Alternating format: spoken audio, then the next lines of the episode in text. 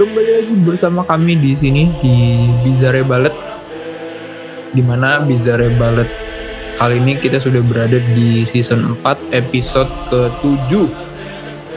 Episode ke-7 ini kita akan membahas satu tema penting yang di mana tema penting kita ini akan berada di Liga Spanyol ya timnya gitu yang di mana yang di mana Liga Spanyol di akhir pekan ini akan mempertemukan dua tim yang emang persaingannya udah ketat gitu. Jadi jadi ya gitulah. Eh, ini itu akan menjadi pembahasan utama di episode 7 season 4 gitu. Tapi seperti biasa di Bizarre Ballet akan ditemani dua orang. Kali ini episodenya khusus kita karena ya udah tau lah clue-nya apa gitu kan makanya di sini cuman kita berdua ya timnya Oh iya. karena eh, pem- pembicara dan temanya sangat berkaitan gitu jadi ada siapa aja nih Ada gua. Terus Brad White, Tim Yarden dan rekan gua. eh Hala Madrid gitu kan Wes. ya yang di mana eh ya udah kita kasih tahu aja jadi episode 7 kali ini kita akan membahas tentang El Clasico ya timnya Klasiko match yang paling Klasiko. sensasional. Ah betul. Yang di di di sini eh di sini pertaruhannya itu adalah bahwa siapa yang di sini di El Clasico ini siapa yang akan menang dia akan menjadi pemimpin pemimpin di liga di La Liga gitu kan pemimpin Oh, iya. sementara untuk pekan ini gitu kan dan ini bakal jadi pertaruhan yang berat sih karena di mana di minggu ini sebelum dua tim ini bertemu di akhir pekan nanti mereka sama-sama eh, berakhir imbang di UCL di, le- di level Eropanya. Cuma beda nasib aja. ya sama-sama berakhir seri lah gitu. Tapi sebelum kita melanjutkan ke poin-poin utama kita pemanasan dulu lah ya. Oh iya. Kita akan melakukan pemanasan terlebih dahulu Eh, mungkin dari lu dulu tim Dari gua ya Kante mengalami cedera dan dan akan absen da, 4 sampai 5 laga ke depannya dan peluangnya tampil di Piala Dunia akan semakin diragukan. Oke, waduh. Lagi-lagi eh, Chelsea harus kehilangan Tosok Kante. Waduh, ya nggak apa-apa sih. Masih ada Gallagher, masih ada Kukurela, masih ada Kovacic, Coutinho Jorginho, gitu. Itu itu aja tim pemanasannya tim. itu aja sih. Oke, giliran gue. Gue masih apa ya? Bukan masih. Gue pengen membawakan pemanasan kali ini yang dekat sama Madrid, yang dulu sempat rame. eh, dulu sempat rame banget tuh, sampai bikin kebisingan. Dan sekarang balik lagi kebisingannya ini, gimmicknya udah mulai lagi. Tahu nggak? Siapa? Oh iya iya I know I know. Kura-kura ninja ah iya kura-kura ninja. Siapa sebutin? Tahu nggak lu? Iya iya I know orang Prancis kan. Iya iya. Ah ya, clue-nya Yes. dia adalah orang No. Prancis yang di mana eh baru berapa baru berapa bulan gitu dia tanda tangan kontrak, dia memulai gimmick lagi gimmicknya adalah tidak betah katanya di di klub Prancis itu. Yang Anjing. bakal emang. hengkang Januari ya. Hah? Ya, ya, sama yang katanya dia pengen hengkang Januari ya. Ya Januari kemarin Ini kan. deh info barunya pihak PSG membantah kabar tersebut karena Mbappe gak, gak ada ngomong apa-apa soal dia pengen hengkang tuh dia gak ada ngomong apa-apa sih. Nah, Hmm, info barunya gitu tuh. tapi tapi dia memu- memulai memu- memulainya dengan katanya dia nggak merasa nyaman di di di klub itu Prancis itu. Lu udah lu udah nyebut nama ya? Iya udah. Eh ya udah nggak apa-apa ya udah si salah satu kura-kura ninja ini gitu kan gitu. Jadi berita pemanasannya adalah ya Kylian Mbappe eh, udah mulai memulai gimmick lagi nih. Cuman ya saya sebagai fans Madrid saya tidak peduli tentang Mbappe mau pergi ke mana. Karena dari awal kalau saya ya kalau saya emang dari awal yang berita itu sempat bikin kebisingan juga tidak berharap banyak tentang kedatangan Mbappe. Kalau datang ya datang. Kalau enggak ya enggak gitu. Nggak usah nggak usah nggak usah jadi pemain paling penting lah. Padahal di ya iya bener tuh. Setuju setuju. Setuju banget. di Prancis juga nggak begitu begitu amat Kecuali kalau misalkan yang mau datang kayak Halan gitu kan. Eh, kayak gitu tuh. Orang-orang tuh bagusnya kayak Halan gitu. Nggak usah banyak bacot, nggak usah bikin bising, tiba-tiba jadi resmi gitu kan. Bukan yang tiba-tiba katanya udah mau mau apa? Udah mau iya iya datang iya datang, ujung-ujungnya duit gitu kan. Jadi itu aja pemanasan dari dari gue gitu kan. Dan sekarang kita langsung masuk ke topik utama aja. Topik utama di season 4 episode ke-7. Yang di mana punya bahasannya tentang El Clasico gitu. Oke, sebelum uh, sebelum sebelum apa ya kita masuk kita masuk dari mana dulu nih tim? Mungkin dari prediksi lu dulu kali ya. Bisa prediksi dulu kita eh, langsung nah. jangan prediksi dulu orang nggak bahas awal awalnya dulu ini match mbak mana? Oke, okay. gini ini pertama kali di leg pertama ini akan main di Real Madrid ya? Di Santiago Bernabeu dulu. Ya, sesuai iya. prediksi gue ternyata benar di Bernabeu dulu.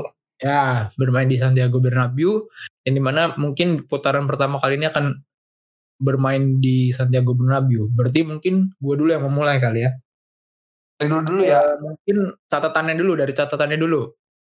Uh, jadi tadi udah sempat disinggung bahwa Real Madrid uh, kemarin di UCL berakhir seri dengan Shakhtar yang di mana serinya pun itu harus uh, mengorbankan sosok Rudiger. Yang di mana luar biasa sih pengorbanannya luar biasa. Ya meskipun dia sudah mencipt, menciptakan sebuah gol tapi di saat itu juga dia harus masuk ke rumah sakit karena robek ya mukanya ya dahinya mukanya. robek dahinya. Iya dahinya robek karena terbentur sama kipernya Shakhtar Donetsk gitu. Keras banget sih ya. itu gila itu pasti sakit banget sih gila banget. Iya.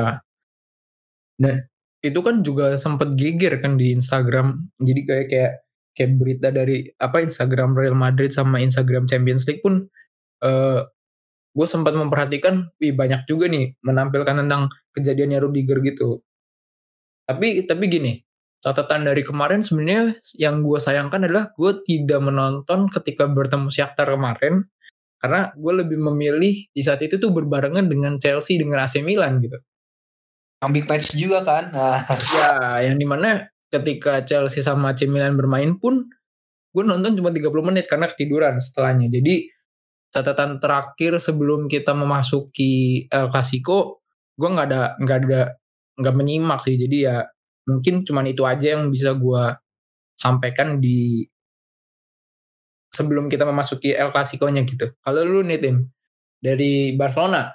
Oke dari Barcelona ya gue ngomongin dari beberapa match La Liga dulu yang di okay. yang pastinya di bulan Oktober ya di bulan ini sih setelah jeda internasional Barca tuh apa ya penampilannya tuh kayak agak-agak aneh aja sih gitu gue liat ditambah lagi banyak pemain penting yang absen itu juga pengaruhnya besar juga karena selama musim ini gue melihat Barca tuh paling efektif tuh saat duetnya Konde Araujo karena kalau Lewandowski udah nggak usah di, gak usah dipertanyakan lagi. Jadi selama ini gue hmm. paling memperhatikan mereka berdua.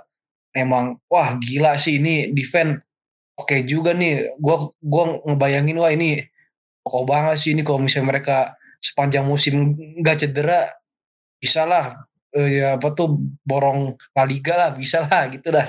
Mm-hmm. Itu juga. Berarti kayak kayak MU mau tsunami trophy katanya kan. ah, itu ah sudahlah kok itu ya. abis itu apalagi tuh namanya di bulan ini juga Barca tuh mainnya gimana ya kayak biasa aja gitu nggak kayak sebelum internasional break ya tapi emang sih uh, pertahanannya di bulan ini juga buruk banget sih. Berasa sih kalau ditinggal back-back penting juga berasa banget. Lalu juga waktu terakhir tuh ketemu Celta itu sebenarnya Barca nyaris banget seri itu. Mereka mm -hmm. untung aja diselamatin sama Stegen. Stegen emang si ini on fire banget. Cuma sayang aja untuk saat ini backnya ya lagi lawak-lawaknya karena yang yang itunya yang lainnya pada, masih pada mulihan dulu. Tapi gue seneng karena Konde bisa balik lagi di match El Clasico kali, kali ini tapi gue nggak tahu deh dia nanti dimainin apa enggak. Karena bisa kalau misalnya dimainin langsung apa enggak? Karena kalau karena kalau di match kali ini yang yang gue udah tahu pasti nggak main tuh Pique sih kayaknya sih udah pasti enggak karena penampilan kemarin tuh asli jelek banget dia dia koordinasi di lini belakangnya pun jelek. Habis itu kebanyakan miskomnya juga sama Eric Garcia sama Sergio Busquets dan lainnya juga. Itulah yang membuat kemarin juga aduh Barca enggak banget deh. Jadi kalau masalah klasiko kali ini sih aduh ketar kalau ketar ketir mah udah pastilah tapi ini ketar ketirnya lebih lebih gila lagi nih soalnya. Ini back-backnya Barca lagi hancur-hancurnya ini kalau misalnya backnya pada full pada full squad mah ya gue sih tenang mah masih masih ada. Iya kalau untuk El Clasico kali ini gue mungkin pesimis dikit mah ada lah ya ada cuma cuma ini masalah klasemen ini juga ini Barca emang harus berjuang banget sih ini di El Clasico kali harus berjuang lebih keras lagi sih daripada sebelum-sebelumnya Oke. Okay. Nah, itu dulu sih dari gue. Oke, okay, gue mau nambahin. Uh, lanjut lagi ke Madrid lagi. Kalau tadi kan itu kan catatan Timi. Kalau gue nambahinnya tuh apa ya? Uh, kayaknya di sini ini nggak tahu ya. Ini yang gue rasa aja kelihatannya. Uh,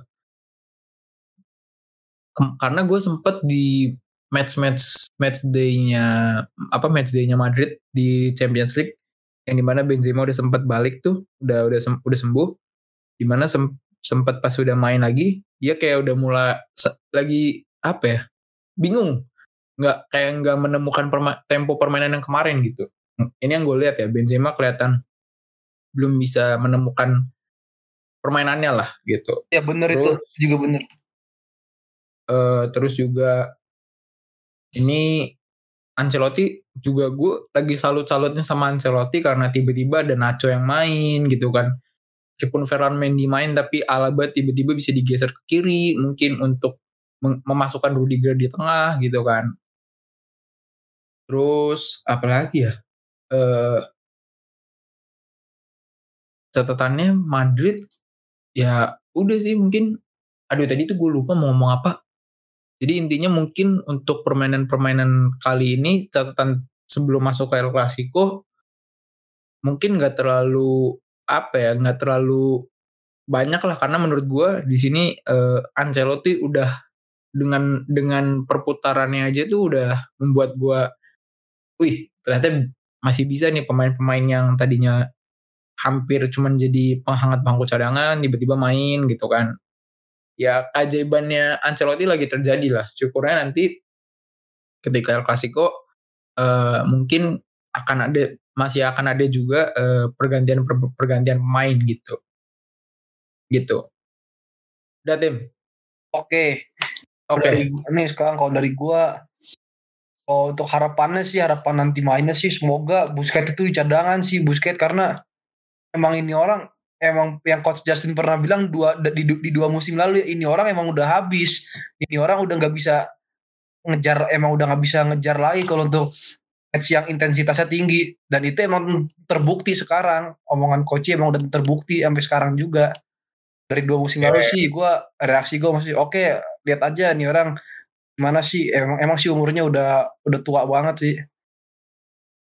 Iya, harapannya yeah, yeah. sih itu pertama sama juga harapannya juga sih ini apa Gavi cadangin dulu deh. Soalnya Gavi ini belakangan ini kalau starter dia bagusnya mah cuma bagusnya mah cuma bentar doang. Ntar lama-lama juga loyo juga.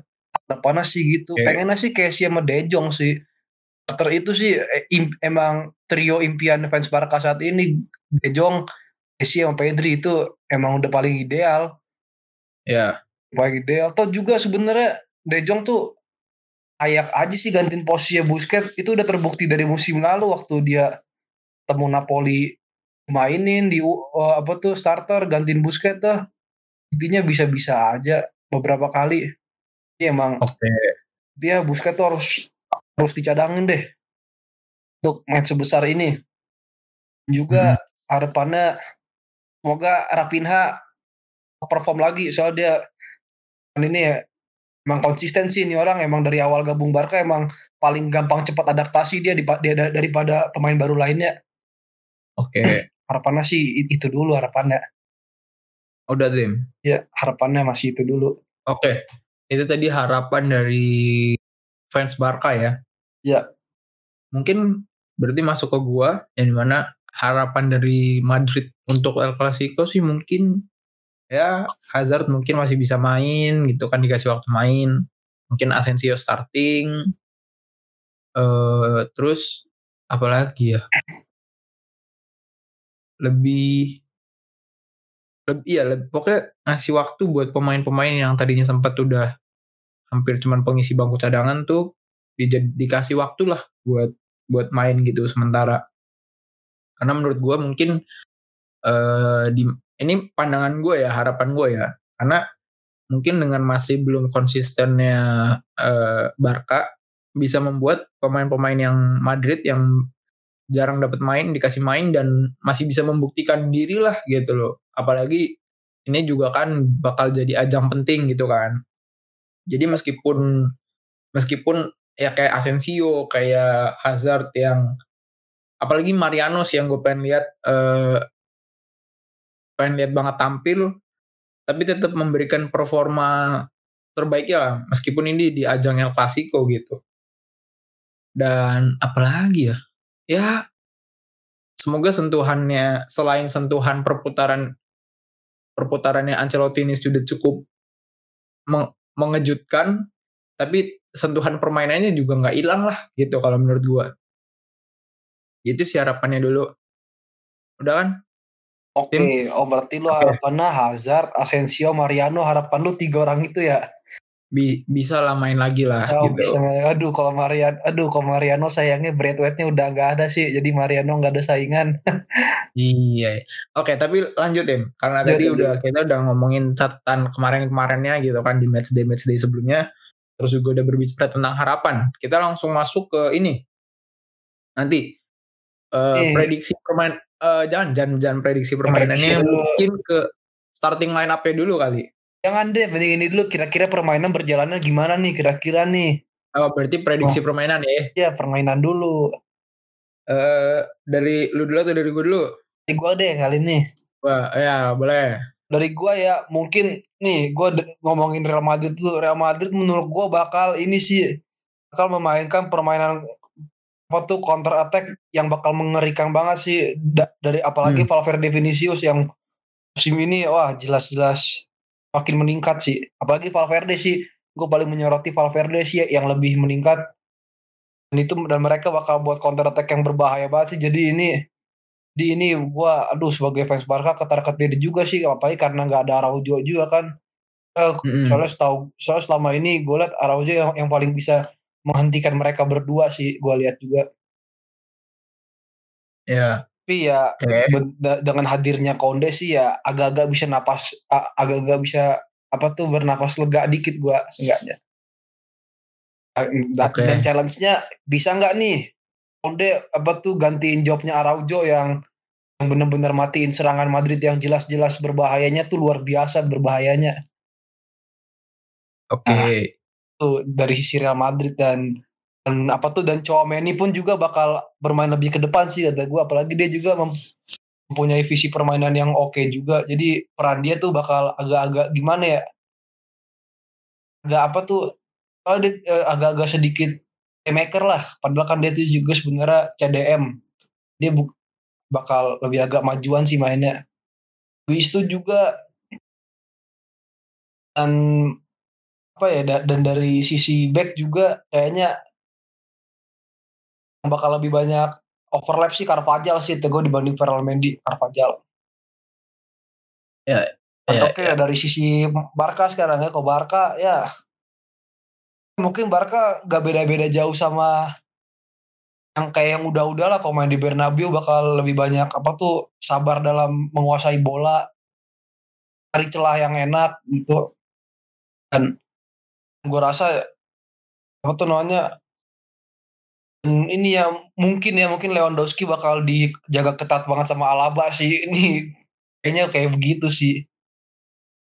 Dan yang gue harapin sih mereka juga harus banyak berani luar shoot kotak penalti juga dong. Itu sih yang gue harap juga. Lu apa ya? Dan yang ini yang bakal lebih banyak apa tuh namanya bakal lebih banyak overlapnya tuh pak mungkin Sergio Roberto sih itu pun juga kalau dia starter ya itu pun juga itu dulu sih kalau gue Oke. Oke, udah tim. Udah. Oke, mungkin dari gua. Kalau tadi lu sempat memulai dengan Madrid duluan, berarti gua dengan Barca duluan.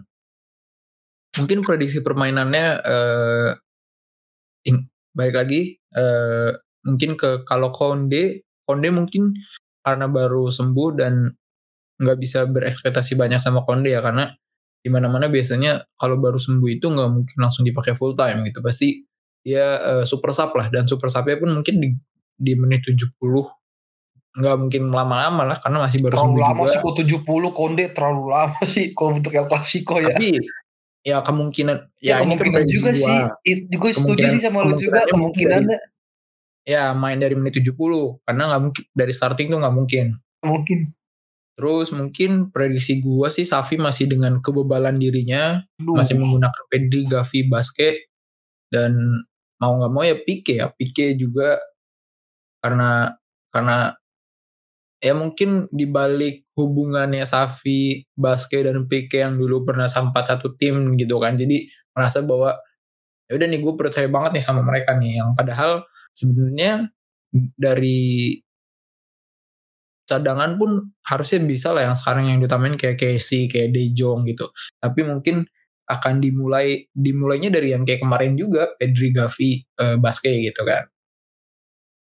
Terus dari kalau dari Barca ya mungkin Lewandowski di sini masih bakal bisa jadi penyelam benar-benar penyelamat layaknya kayak kemarin Barcelona ketemu Inter tuh.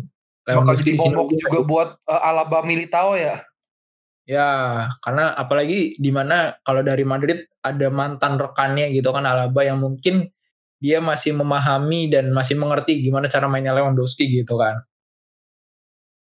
Terus Dembel mungkin masih dengan sedikit egonya yang menjadi kunci juga, jadi kunci kekalahan gitu kan. Dembel yang Dembele gak sepenuhnya sih kalau Dembele juga kemarin juga. Terus mungkin tempo permain ya kayak yang tadi tim udah bilang menguasai bola Barca dengan position bola. Tapi di sini juga harus cukup berhati-hati karena dengan hadirnya Basque sama Pique itu cukup membuat position bola ini cukup jadi bisa jadi apa ya senjata makan tuannya sendiri lah karena yang di mana eh, Madrid punya counter attack yang cukup baik gitu kan. Gitu. Jadi bener-bener pengelolaan bolanya harus hati-hati nih gitu. Gitu aja dulu paling. Kalau dari Madrid kalau dari gue prediksi permainannya ya meskipun balik lagi ke harapan yang gue harapin ya Asensio, Mariano sama Hazard nih bisa lah jadi starting gitu kan. Starting dulu lah starting dulu. Eh, untuk setidaknya eh, memberikan memberikan ini bu- bukan dalam arti menganggap remeh ya timnya. Ya ngerti gue ngerti. tapi mungkin Hazard sama Asensio yang bisa dibilang masih cukup rasional lah untuk bisa dijadikan jadi starting eh ya setidaknya memberikan rasa yang baru lah untuk tempo permainan gitu kan. Karena setiap pemain kan pasti punya instingnya sendiri-sendiri gitu.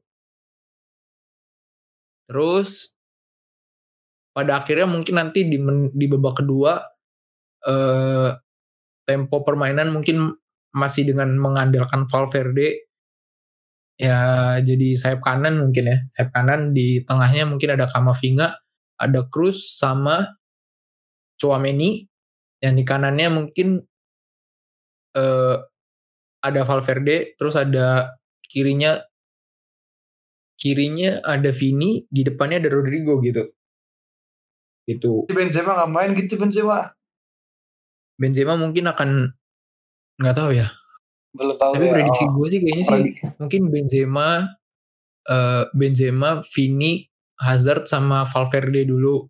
Terus nanti mereka pakai empat eh dua gelandang. Ada Chouameni sama Cross baru backnya tuh ada eh, ada siapa ya? Ada Alaba lah Alaba sama ini dulu Militao dulu mungkin meskipun Militao ada error-errornya ya error-errornya tapi karena Alaba tuh mungkin dalam meloncatan kurang, headingnya kurang, menghalau bola udaranya kurang, dilengkapi dengan hadirnya Eder Militao gitu. Eh ya meskipun Eder Militao masih ada error-error ya, tapi nanti di babak kedua mungkin bisalah Alaba digeser ke Mendy baru uh, di, di tengahnya diisi Rudiger. Cuman nggak tahu ya kemungkinannya Rudiger bisa main bisa main nggak di El Clasico nanti gitu. Terus tempo permainan sih yang masih gua harapin Valverde masih dengan speed dan speed dan uh, uh, apa ya speed dan tendangannya yang cukup makin terevolusi Vinicius dengan yang bisa merepotkan lini belakang Barca apalagi uh, dari dari gelandang sampai sayapnya Madrid aja tuh bener-bener menguasai speednya tuh jadi di situ yang seperti yang dibilang tadi ya Barca ya Barca hmm. dengan penguasaan bolanya yang mungkin bisa jadi senjata makan tuan karena digunakan Madrid untuk benar-benar bisa jadi blunder gitu tuh.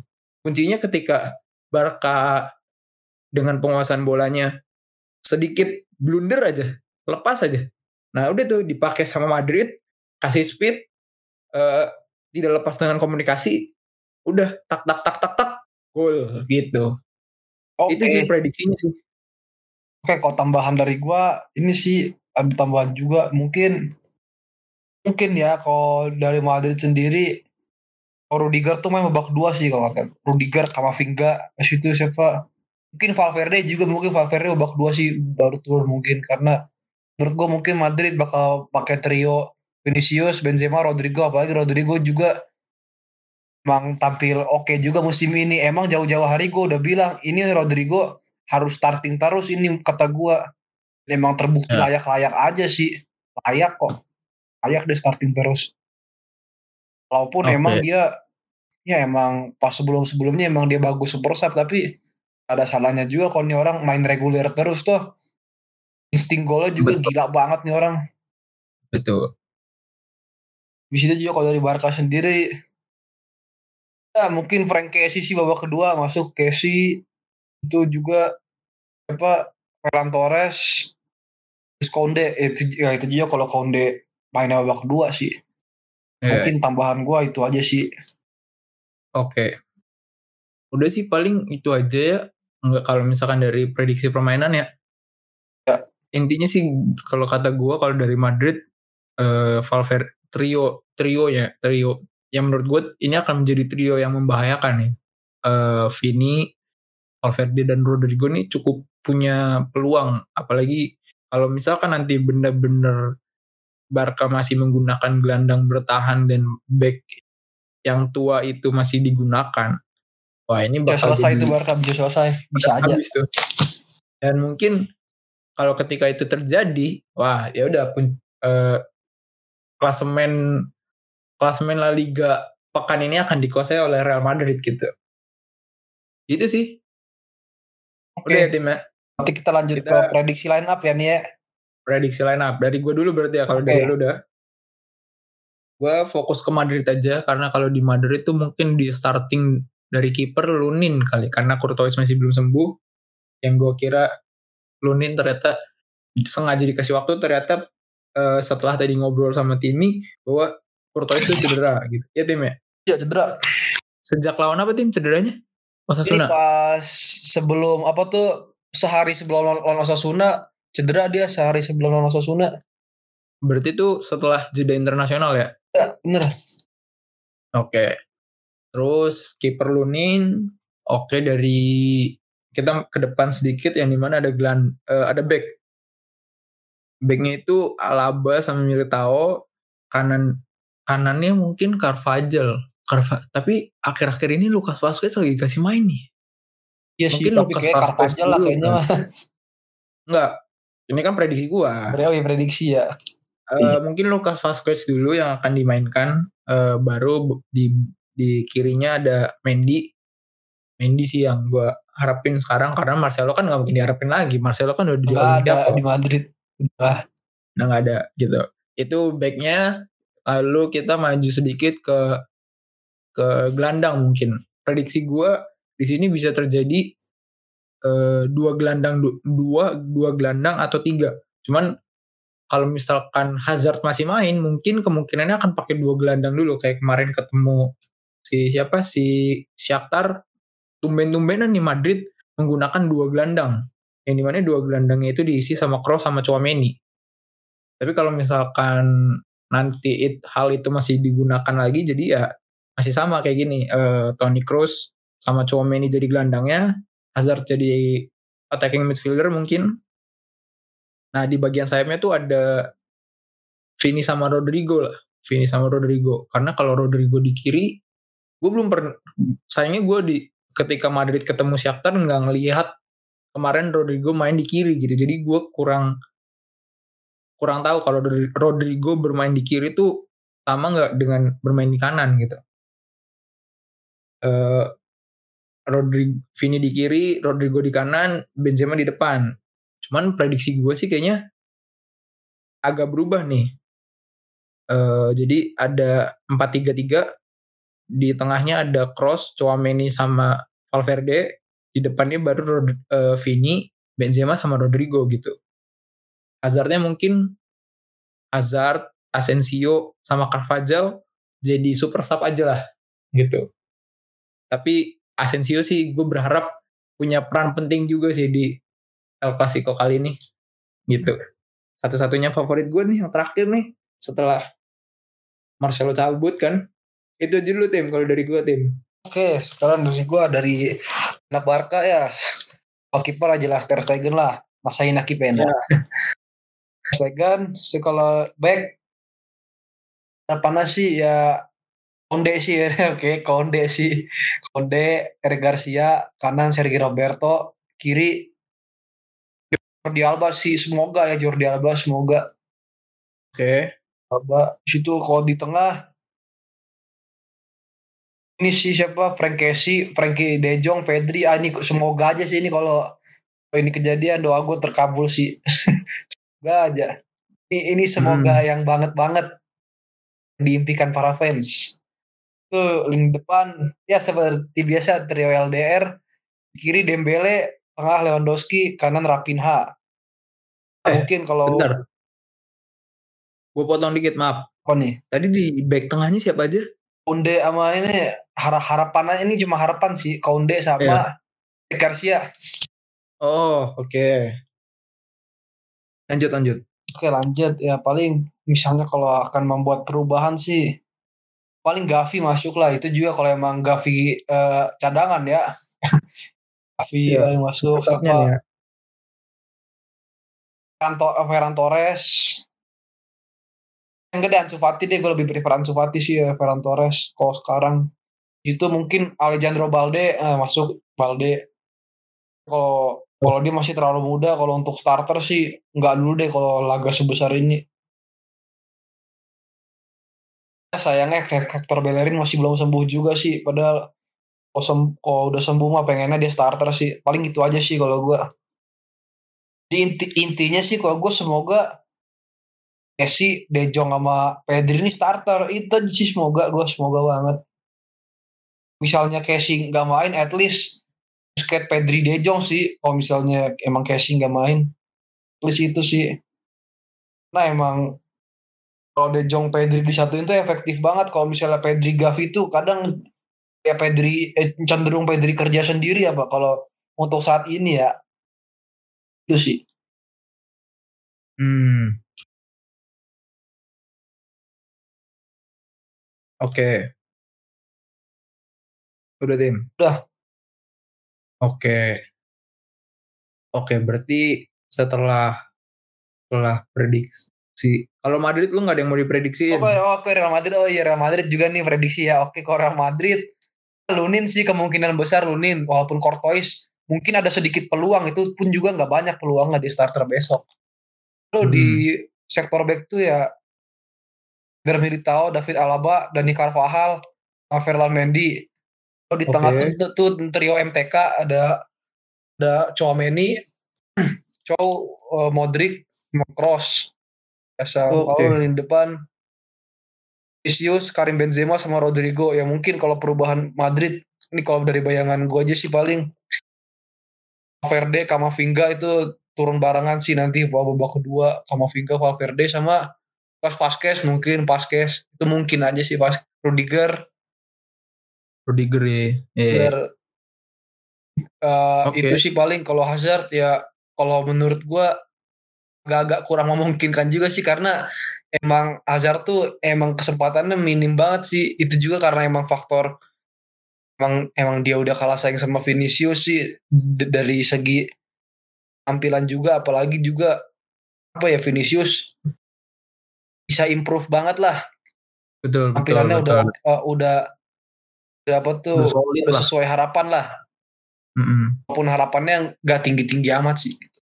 Ya, ya, bener sih. Eh, tambahan dikit, bener sih kata lu tim. Kalau ya Hazard udah ketutup sama Vini, apalagi ditambah Valverde yang bener-bener udah makin matang, mak- makin ke sini malah makin matang kan. Ya udah makin abis lah kesempatannya Hazard gitu. Cuman mungkin ketika dia di starting diposisikan sebagai second striker mungkin masih cukup berpeluang gitu. Cuman tergantung racikannya Ancelotti lagi gitu. Gitu. Udah tim. Oh iya udah. Oke, dan mungkin closing statement terakhir nih ya. Eh, pertanyaan terakhir, pertanyaan terakhir ini akan mengacu pada eh, pada skor lah, skor, prediksi Ah, skor lagi. dari gue dulu kali ya, ya dulu dah. karena gue tuan apa ya, karena gue tuan rumah, ya, maksudnya di putaran pertama ini mainnya kan di Santiago Bernabeu ya, Oh iya. Ya dan ini mungkin kepercayaan diri pasti tinggi mental pasti terbentuk gitu kan apalagi masih ada pemain-pemain tua yang ibaratnya pembentukan mentalnya masih pasti ada lah gitu mental masih mental perform juga kan masih masih perform Ya. juga. mental mental juara ini nih masih perform dan me- mendidik si pemain-pemain muda ini untuk memiliki mental seperti mental juara gitu ya jadi Korea sih mungkin akan berakhir 3-1 kali ya Oh tiga terlalu satu. optimis sih cuman Oke optimis. di sini gue nggak bisa melihat Valverde kayaknya Valverde Benzema ini apalagi gatel banget dan untuk menciptakan sebuah gol gitu ya meskipun emang kayaknya kalau satu tuh agak agak nggak mungkin ya karena ini kipernya Lunin mungkin 3-2 lah Dua. tapi syukur-syukur ya kalau Lunin bisa mengkurtoiskan diri sih 3-1 sih prediksi gue gitu Oke. agak optimisnya terlalu tinggi cuman Apa percaya lah, Gak salah, gak salah, gak apa-apa. Itu namanya juga fans mah, gak apa. Gak apa coy. kira lu nih tim dari Barca nih tim gimana Nah, sebenarnya sulit sih, eh, sebenarnya sulit sih emang ini pertandingan emang emang selalu bikin gue ketar-ketir sih. Emang apalagi Nah, kalau misalnya gue realistis aja ya. Kalau dari Ya. kalau misalnya Barca masih backnya masih main kayak kemarin mah mungkin 3-1 juga bisa Madrid yang menang kalau misalnya back Barca masih mainnya kayak kemarin. Tapi ini Ya. kalau harapan aja nih. Ya, Heeh. sama kayak pas kemarin lu tanya gue sih prediksi yang kata bulan Maret kemarin prediksi berapa? Ah, 2-0 aja buat Barca. Sama kayak kemarin sih gue prediksi gue masih sama kayak yang kemarin itu. Cuma kalau yang Oh. kemarin bedanya hasilnya lebih dari dua. Nah itu dia bedanya. Itu sih Oke, ya. oke. karena challenge aja nih Stegen bisa nggak nih ngelanjutin clean sheet-nya nih challenge aja nih buat Stegen. Challenge, challenge. Betul. Oh iya benar-benar Mak iya makanya jumlah jumlah kebobolannya Barca tuh dikit dibanding jumlah Aduh. kebobolan Madrid saat ini. Sebenarnya challenge Jadi ya- kayak gini mengingatkan gua ke musim 14 per 15 sih yang musim ke, musim keduanya Ancelotti di periode pertama mana saat itu Barca datang ke, ke Santiago Bernabeu dengan kejebolan masih nol, kejebolan masih nol, Iya. masih Claudio Bravo kiper. Tapi pada akhirnya mereka kalah 3-1 kejebolan 3. Oh, Pada oke. akhirnya begitu. Ini Ya, jadi challenge. Nah, kalau sekarang bisa nggak nih Stegen clean sheet? Kalau Bravo kan nggak bisa. Stegen bisa nggak Hmm. dengan yang performanya sekarang lagi ngetop-ngetopnya nih? Challenge aja. Oh. Dan prediksi gue juga sih, gue feeling Pedri ngegolin sih match kali ini bisa ngegolin Pedri. Tuh. Ini nih seru nih prediksi golnya ada Pedri dari. Barca ya. Benernya gue udah jauh-jauh hari sih Pedri bisa lah golin lah Pedri. Jauh-jauh hari sih gue. Oke. Ya ya ya. Oke paham paham paham paham. Satunya paham. kalau yang lainnya nggak tahu dah siapa. Ya udah gitu aja. Kalau dari ya udah kalau kalau gue sih ya itu paling trio itu pasti Salah satunya golin ya. salah, salah dua dari trio yang gue sebutkan maksudnya Rodrigo Vini dan Valverde pasti ini sih eh ada lah. Sama satunya gue berharap Asensio lah Asensio. Asensio. Asensio, biar bisa kembali eh, percaya diri lagi dan dilihat sama Ancelotti lah. Ini pemain menurut gue masih ada potensinya sih gitu. Oke udah tim? Udah. jadi kesimpulannya intinya sih ya dari episode episode 7 season 4 kali ini ya menurut gue ya menurut gue eh, dengan Madrid masih dengan udah konsistenannya dan apalagi ditambah pemain-pemainnya yang cukup cukup apa cukup percaya diri dan bersemangat berapi-api gue yakin El Clasico putaran pertama ini sih bisa menang menang dengan skor yang banyak ya ya Oke. kayak tadi 3-1 gitu Oke Karena- itu closingan dari lu ya berarti ya. ya Oke kalau closing dari Ben- belum belum belum belum. belum gue kesimpulan dari gue karena Barca menurut gue masih belum terlalu konsisten lah. Apalagi kalau misalkan Safi masih belum mau untuk menurunkan egonya ya udah. Jadi mohon maaf mungkin pekan ini Madrid jadi pemuncak lah gitu. Oke. itu kesimpulan dari gue tim. Oke, kalau sih kalau dari closingan gua yang El Clasico paling ini sih harapannya sih backnya tuh ini lebih hati-hati ya harus solid harus solid ya walaupun tanpa Araujo, Christensen harus tetap solid ya itu sih. Ya, Ya. walaupun sebenarnya harapan gitu agak-agak sedikit sulit kalau misalnya Pique yang main. Kalau Pique yang kemarin tuh uh, udah kayak Maguire sih gue ngeliatnya udah kayak Maguire sih dia. Oke. Di situ juga semoga eh, apa tuh namanya sirkulasi li- bola dari lini tengah tuh lancar-lancar lancar jaya aja sih semoga lancar-lancar seperti biasanya ah dan dan semoga juga Rapinha tetap bisa tampil oke tampil luar te- tetap tampil bagus lah Rapinha ini ca- oke. idola baru juga sih Rapinha ini. Rafinha ya. Ya ya. Dah itu kesimpulan dari lu. Oh yes, terakhir. Semoga apa tuh namanya apa tuh mereka tetap bisa meneruskan rekor positif di Santiago Bernabeu lah karena selama gue bertahun-tahun nonton El Clasico, gue ngeliat Barca kalah di El Clasico di La Liga ya. Di Bernabeu tuh cuma dua kali sih selama gue bertahun-tahun nonton nonton El Clasico sampai juga. saat ini. Di La Liga ya itu di La Liga dua kali kalah. Makanya Eh, maksudnya yang kalah Barkanya Barkanya yang kalah dua kali di Bernabeu di La, itu di La Liga La Liga. Oke. Oke. Jadi ya udah kan tim? Udah. Jadi ya mungkin eh mungkin ini aja dulu akhir dari episode 7 season 4. Karena ini menurut pandangan kita ya tim Oh iya. dari dua dua sisi sebagai fans gitu. Mungkin oh iya. fans-fans Madrid ataupun fans-fans Barca mungkin di luar sana mungkin ada yang pemikirannya sama atau juga ada yang beda juga bisa juga gitu karena karena kemungkinan-kemungkinan pun eh, di kepala orang pasti beda-beda gitu. Jadi ya ini sih jangan lupa saksikan El Clasico hari Minggu pukul 9.15. ya betul ya meskipun harus dibarengin sama Manchester sama Liverpool ya. Itu Cuman yang ya setengah iya, setengah berapa 11 ya? beda dikit 22.30 Iya. gitu. Jadi ya udah eh, ini sih selamat senam jantung kenapa? ya untuk Barcelonista dan Madridista. Selamat senam jantung. Ya, jadi ya mungkin ini aja dulu episode 4 eh episode 4 episode 7 season 4 kali ini ya mungkin kita akan lihat hasilnya dan mungkin akan kita bahas lagi ketika di episode berikutnya tim ya mungkin Oh, iya. after matchnya gitu. Ekspresi kita setelah apa yang terjadi di El Clasico Di kali ini. Kemarin gitu ya. Iya. Yaudah, jadi tungguin aja sampai jumpa di episode berikutnya. Sampai bertemu di Bizarre Ballet episode 8, 9, 10 mungkin. Dadah.